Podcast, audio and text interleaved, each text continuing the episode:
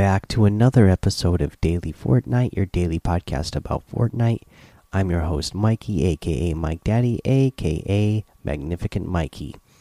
So, uh, you know, we don't get a lot of news. I'm guessing there's not going to be a lot of like big news that happens during the next two weeks while, uh, you know, the Fortnite office is taking a little bit of break. Of course, we're still going to get those patch notes every week uh, during this time period. So we'll, we'll still get those patch notes, which is, you know, a bigger news, but I don't think we'll get big news on a daily basis during this time period. But we still do got some good stuff to cover. Uh, today, the quad launcher was the item that was unlocked or, or unvaulted. I'm sorry. So we had the quad launcher back in the game today. Uh, you know, I didn't encounter it too much. I, I think I was only uh, eliminated by a quad launcher once today, and I only picked it up maybe two or three times myself. So I didn't feel like it had that big of an effect on the game. But yeah, that was a uh, you know it's. Uh, this 14 days of summer is definitely a fun period where you can get any sort of uh, weapon unlocked right now. So uh, that was the one we got today. As far as the LTM, the LTM that we had today was use uh, use with care and this was a duos. Now this is one where you and your partner you start out with a certain set amount of mats, and it doesn't matter. You cannot farm for more materials.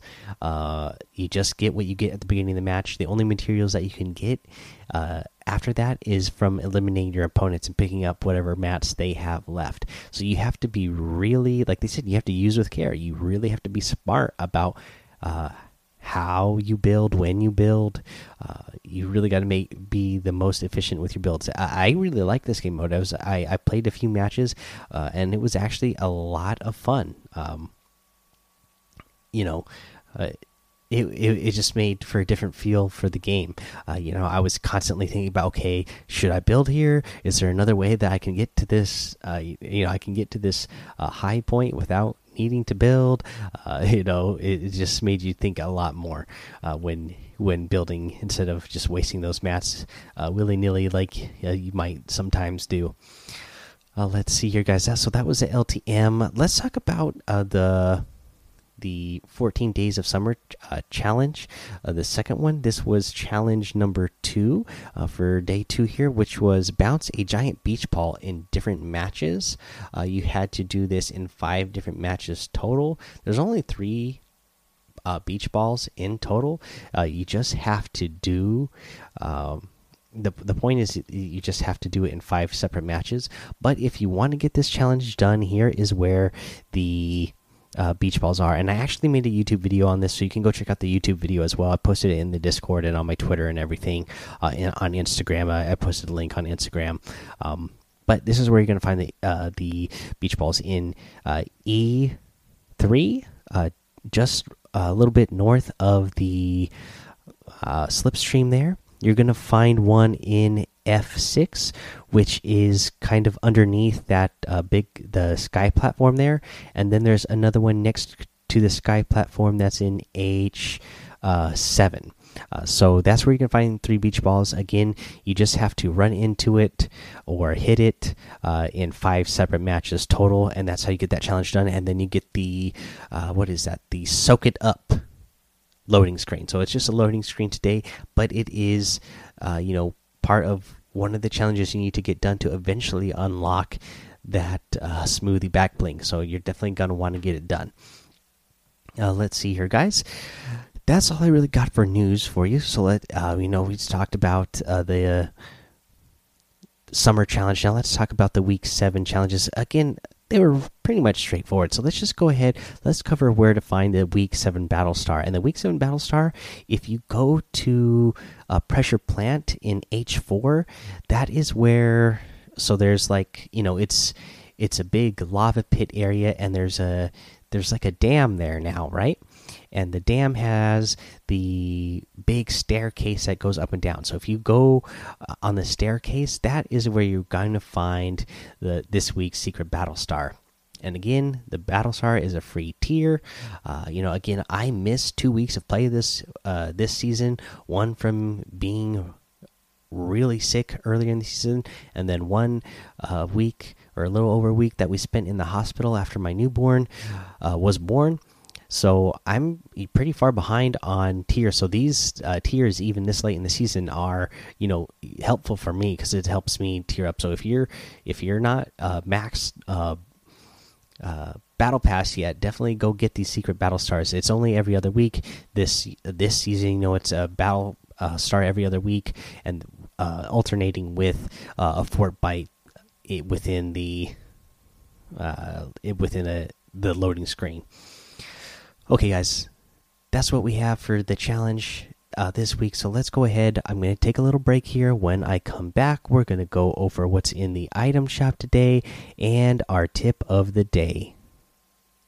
All right, guys, so we got an awesome item shop today. I've been waiting for these items to come out for a while. I'm so excited they are finally here in the item shop, and I am talking about one the plastic patroller toy with the competition part of the toy soldier set. So yes, these new items, these new outfits are the uh, you know little green uh, men soldier, uh, green soldier toy outfits, and these are actually really cool. They have selectable styles. You can uh, wear them in green or in gray. Wow, that is so awesome. These look so good. They look just like your little uh, plastic uh, little green toy soldiers or gray toy soldiers. Uh, they're really cool. Uh, the only thing I've been people uh, criticizing about them is the feet because the feet have, you know, they kind of look like flippers, but actually, you know, it's you know, I get it. They're trying to emulate the fact that the little the the the toy soldiers, the plastic toy soldiers, they have you know that plastic base that helps them stand up, and so that's what they're trying to emulate with those. And so to me, I get what they're going for, and I don't think it's a big deal because when you are running around with your character, you don't really see the feet anyway. So I don't think it's really uh, that big of an issue to me. But I, I still think they look really good, and they're 800 V bucks, which is a pretty good price for you know these uh, style of uh, outfits. We also get the toy trooper outfit molded for victory. This is the female version of the toy soldier set. Absolutely love it. Also comes in the green and gray. We also get the green toy wrap. Uh, again, comes in green and gray when you buy this set. So you're going to get both. It really complete. So look if you get one of the one of the skins, one of the outfits, uh, and you get the you know, I would definitely get the wrap with it just because it completes the whole look. That way, your whole entire character looks like the little plastic toy soldiers. Uh, that's what I did. I got I got the character and the wrap. Uh, it looks really good together. All right. Uh, we also have the Velocity outfit in the item shop today. Uh, another great one. You get the Raptor outfit totally awesome. The assault bomber glider, the party animal harvesting tool. So you get a lot of great items. Uh, you know, all along a similar theme uh, in the featured section today. Great featured section today. Uh, you know, making me spend a lot of money. The daily items you get Elmira outfit, you get the boneless emote, you get the old school emote, the Nitelite outfit, the glitter emote, and a new harvesting tool, the Knockwurst harvesting tool. Knock them out, and it is a big, uh, a big hot dog, big knockwurst. Uh, you know, on the end of a, a, little skewer there. It's got some mustard uh, on it. You know, just the way you should be eating them. Uh, so yeah, looks really good and uh, really cool harvesting tool really uh, going in with that uh, uh, summer theme.